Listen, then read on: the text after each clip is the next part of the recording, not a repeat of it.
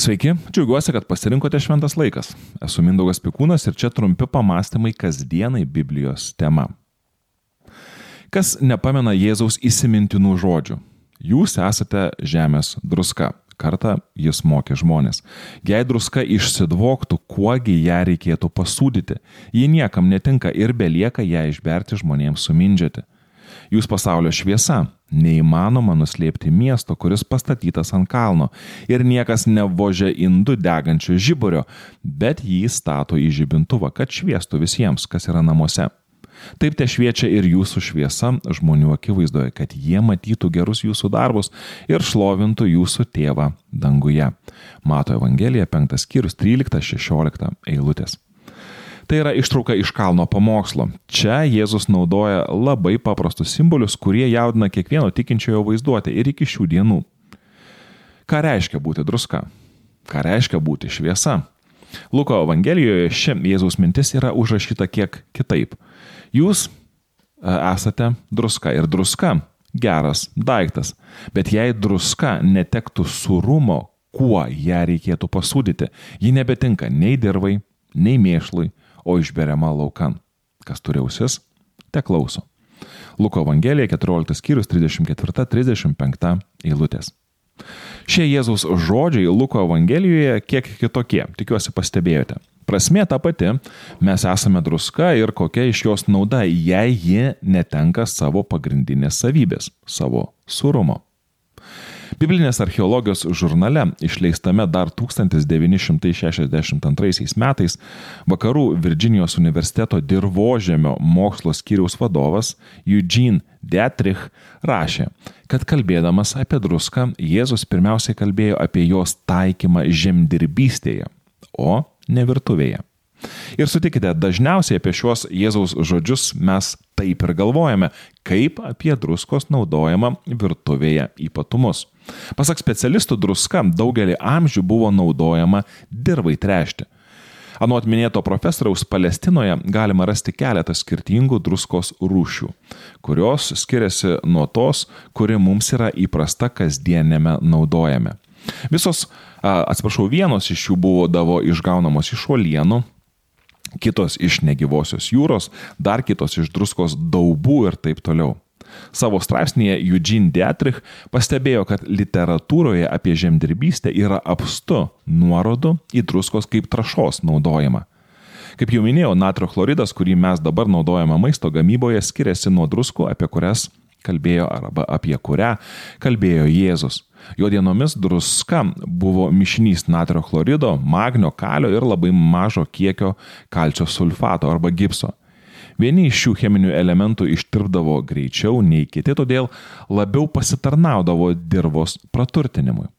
Kai Jėzus kalba apie druską, netenkančią savo surumo, jis kalba apie procesą, kai druską sudarantys junginiai laikui bėgant suyra Tokia suirusi druska netenka menkos gipso dalies, kuri ir pakeičia druskos surumą. Tokie pasikeitimai druską paverčia netokia vertinga traša. Todėl, kai Jėzus kalba apie savo pasiekėjus, kurie netenka surumo, jis kalba apie tikinčiųjų negebėjimą skatinti augimą ir puoselėti gyvenimą. Jėzus nekalba apie stalo druską, Jis kalba apie trašą, o tai reiškia, kad jo žodžiai užrašyti Mato Evangelijoje jūs esate žemės druska, turėtų būti suprasti kaip jūs esate druska žemiai. Gal tai nedidelis skirtumas gramatikoje, tačiau tai turi nemažą įtaką Jėzaus žodžių prasmei ir leidžia geriau suprasti, ką Jėzus turėjo omeny. Jėzus kalbėjo, Jei druska netektų surumo, kuogi ją reikėtų pasūdyti, ji nebetinka nei dirvai, nei mėšlai, o išberiama laukan. Ši Jėzaus užuomena apie mėšlą yra kiek trikdanti. Ne vienas bando į, ju, į juos, na, į šį, į šį pastebėjimą arba į šį komentarą nekreipti dėmesio, nes galvojant apie druską, kurią naudojama skatinant maistą, šie Jėzaus žodžiai, na, gal ir nelabai atrodo logiški. Jėzaus žodžiai tampa aiškesni vėlgi prisiminus, kad druska išsaugo mėšlo biologinės savybės. Šiandien jau yra žinoma ne tik tai, kad druska padeda maistui ilgiau išsilaikyti nesugedus, bet ir tai, jog ištisus amžius druska buvo naudojama ir kaip apsauginė priemonė mėšlui. Druska būdavo naudojama, kai mėšlo nepavykdavo iš karto panaudoti žemėje trešti. Mėšlo krūva būdavo apipilama druska ir taip mėšlas būdavo apsaugomas nuo fermentacijos, puvimo ir savo ruoštų dar labiau praturtindavo mėšlo naudingas savybės. Toks amžių patikrintas druskos naudojimas geriau paaiškina Jėzaus žodžius, nors uh, tokios kalbos apie trašas ir mėšlą kai kam gali sukelti gal netgi pykinimą. Druskos kaip trašos naudojimas žemdirbystėje buvo žinomas ne tik senovės hebrajams, bet ir kiniečiams ar netgi romėnams.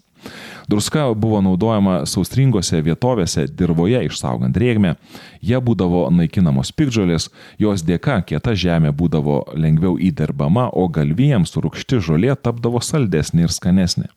Kai kuriuose dirbose druska apsaugodavo kviečius nuo rudlygės, o bulves nuo amaro. Tinkamai naudojama druska sunaikina pikdžiulės dirbožėmio paviršiuje ir leidžia žoliai bei gėlesnės šaknis turintiems augalams aukti geriau. Pakankamos drėgmės pagalba druska prisotina dirvą ir išlaisvina svarbius mineralus bei maistingas medžiagas, kurios savo ruoštų maitina ir augalus.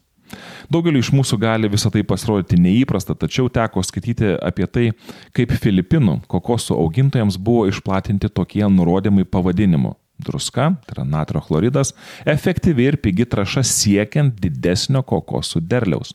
Šiame dokumente yra rašoma, kad druska skatina pasėlių augimą bei nokimą ir saugo aplinką.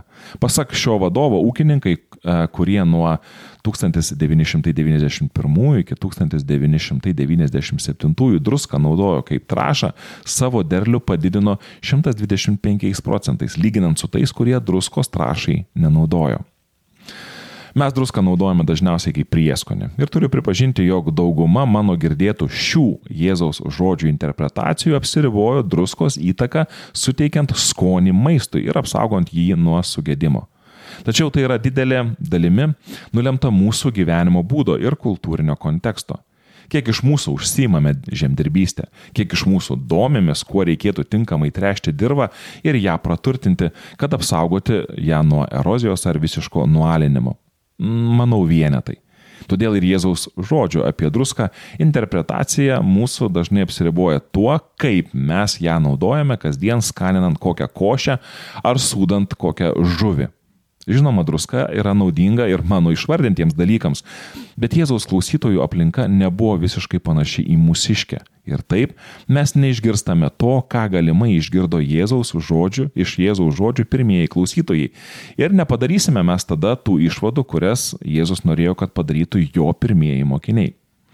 Kas jei ir mes įsiklausytume į Jėzaus žodžius, kaip mano minėtieji kokosų augintojai Filipinuose ar senovės Palestinos gyventojai. Kaip mūsų Jėzaus žodžių supratimas prasiplėstų, jei apie druską galvotume ne kaip apie kulinarinį priedą, o kaip apie trašą. Mano anksčiau minėtas Eugenas Dietrichas pabandė perfrazuoti Jėzaus žodžius ir jie nuskambėjo maždaug taip. Jūs esate lyg druska žemė, kuri skatina augimą. Jei jūs neteksite surumo, tapsite niekam tikę, kaip karalystės evangelija bus tada skelbiama visam pasauliui.